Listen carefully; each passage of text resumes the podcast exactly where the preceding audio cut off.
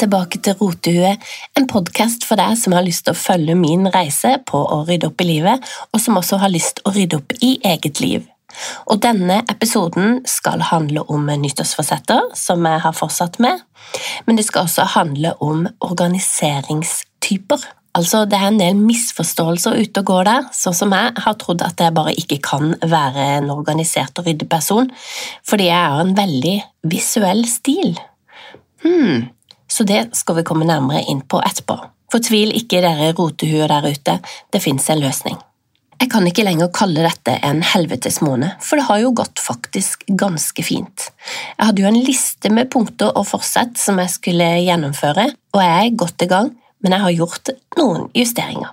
Noen av punktene går helt smooth, mens andre gjør jeg bare fordi de står på lista, og det er mye motvilje der. Så nå skal vi gå gjennom eh, punktene, og så ser vi hva som er vanskelig, og hva som eh, går lett. Det med å spise 1300 kalorier om dagen, det går superbra. Og jeg har gått ned tre kilo på er det to og en halv tre uker. Det eneste problemet med det var når jeg var på tur nå. Da merka jeg at jeg gikk litt over fordi at du kjøper mer ferdigmat.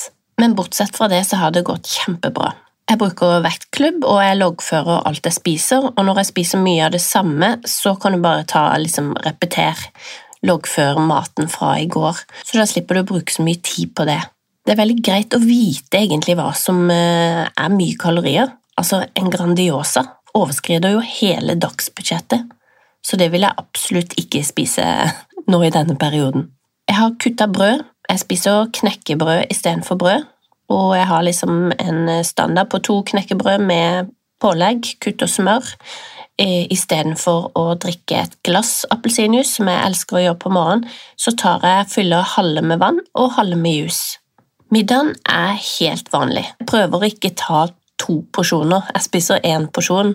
Jeg pleier som regel å lage sunn middag, så middagen ligger vel på rundt 400–600 kalorier, og det går helt fint. Poenget er jo at det skal være noe du kan leve videre med også, så du er nødt til å unne deg en god middag. Og det som er så greit, er jo at dette handler om matematikk. Så 1300 om dagen, da kan du jo regne hvor mye det blir i uka, og hvis du vil kose deg med noe på lørdagen, så går det an til å legge seg på rundt 1000 hver dag istedenfor, og så er det noe ekstra til helga. Så det med å loggføre kalorier, da vil jeg sitere Sokrates, altså de som vet rett, de gjør rett.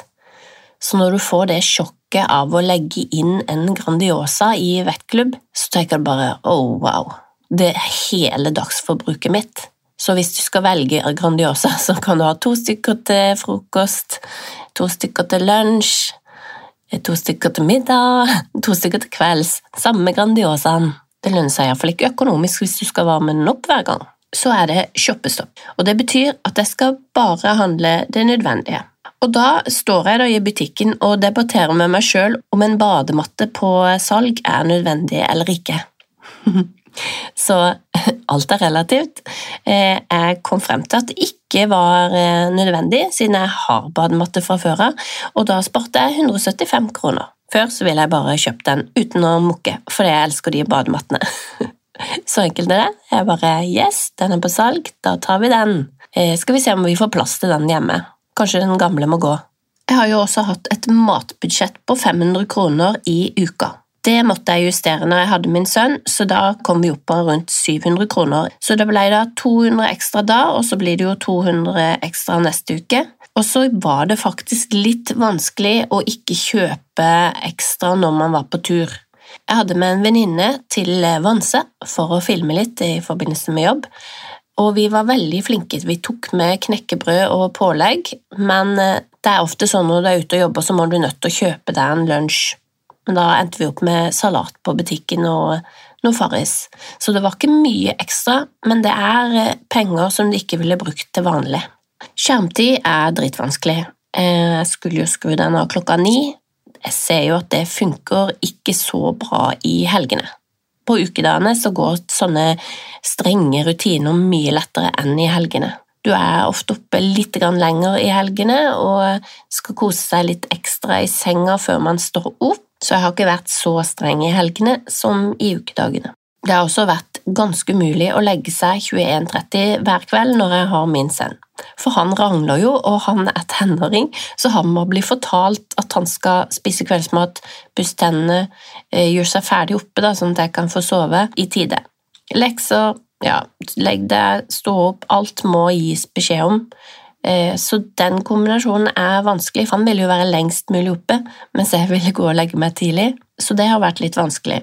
God tur hver dag, det er også vanskelig. Det gjør jeg fordi jeg føler jeg må, jeg har skrevet det på lista. Jeg har tatt et lite minus på de dagene jeg har hatt trening, og jeg har ikke vært så streng når jeg har eh, vært på farten på en måte. Å presse inn en tur når du er opptatt hele dagen med å jobbe, eksempel, det er vanskelig. Eller så syns jeg det er topp å lese bok før jeg legger meg, istedenfor å scrolle på telefonen. Det skal jeg fortsette med i februar, garantert. Jeg har også brukt eh, meditasjon når jeg skal forelegge meg, og det har også vært genialt. Jeg bruker en app som heter Fitton. den er gratis. Den er kjempefin med treningsopplegg der det sitter noen og viser deg og forteller nøyaktig hva du skal gjøre. Du kan trene yoga, du kan trene dans, du kan trene styrke. Det er alt mulig der. Og dette er ikke reklame, dette er ikke sponsa, jeg bare syns den er helt topp. Du angrer jo aldri etterpå, og det må jeg minne meg sjøl litt på. Men jeg har heller ikke vært så streng på å gjøre det de dagene jeg er på annen trening. Jeg trener jo også badminton. Å vennedate en gang i uka er jo fantastisk, og man burde jo gjøre det oftere. Og det kombinerer jeg også med en tur, eksempel hvis jeg går ute, eh, så kan jeg like godt gå innom noen. Helt topp å kutte sukker, alkohol og chips, og det er av og til så får du litt sånn når helga kommer, hm, sugen på noe, men det går fint over og du kan få en mye mer produktiv dag dagen etter. Det er deilig. Jeg er jo veldig spent på om du klarer å holde dine nyttårsforsett, og om du har noen i det hele tatt, så fortell meg gjerne om det. Men nå skal vi over til dagens tema, og det er en fantastisk dame som jeg har fulgt på YouTube. Hun heter eh, Cass og kaller seg Clutterbug. Og hun har jo vært en av grunnene til at jeg har begynt å rydde opp hjemme og kvitte meg med ting. Jeg ser mange likheter med meg sjøl gjennom henne, og har også vært Hun kaller seg sjøl en superslubb, og hun har vært skikkelig ja, mer ekstrem enn meg når det gjelder roting. Men nå har hun orden på ting, og hun hjelper også andre med å organisere livet sitt og bli kvitt ting, og er veldig motiverende. Det som er litt kult, er at hun har delt inn i fire organiseringstyper, eller personligheter, og er en sommerfugl. Det høres flott ut, og det er mye som gir mening her for meg. Så Vi har jo snakka om identitet og personligheter, og jeg har brukt eksempelet Tenk deg at du sjekker inn på et hotell. Hvor gjør du av tinga dine? Noen pakker ut med en gang og henger tøyet møysommelig inn i skapet, mens andre hiver tøyet inn i skapet og presser døra igjen. Ingen av de er med. Jeg åpner kofferten, og så legger jeg ting litt utover på gulvet, gjerne, og sånn har det alltid vært en annen type ville kanskje tatt eh, og åpna kofferten sånn som meg, og så plassert ting ut sånn at de kan se det, men kanskje organisert det litt. Eh, jeg har ikke hatt behov for å organisere det engang, jeg bare lukker opp, sprer det utover. Der er tinga. Og det oppsummerer egentlig de fire typene som Cass snakker om. Legger du tøyet i skapet, så er du en hidden organizer, og om du vil se alt, så er du en visual organizer. Og De ulike typene ble også delt opp i makro- og mikroorganisering. Jeg er en visuell makroorganiserer, så da må jeg lage systemer som passer til min personlighet, og det er jo hele clouet for å komme i orden. Så nå skal vi se på de fire ulike typene, og så kan du se hvilken av de du kjenner deg igjen i. Bie er en visuell mikroorganiseringstype.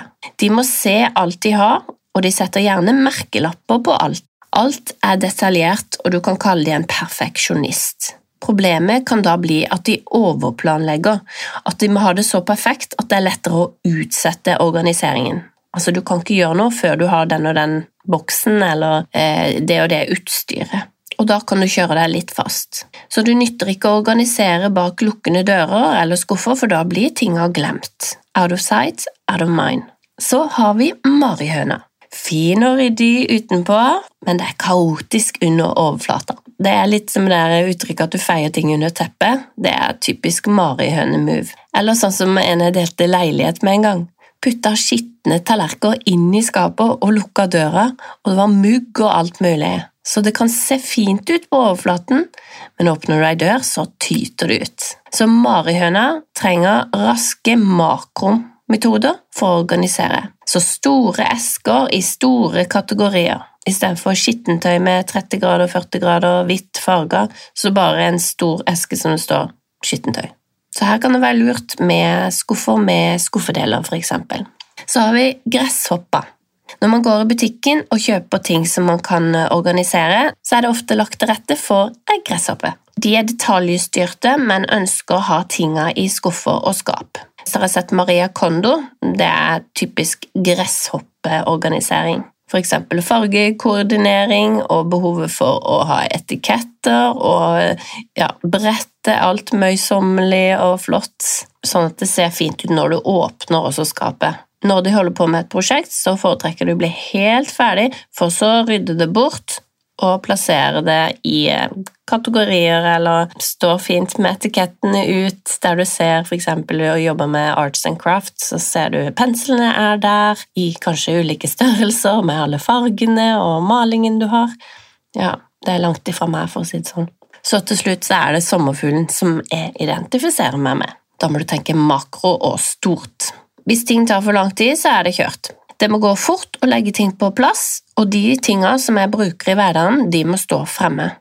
Ting som ligger i skuffer og skap, det blir ofte gjemt og glemt. Vi som er sommerfugler, vi trenger ikke detaljer, og vi må ha alt visuelt.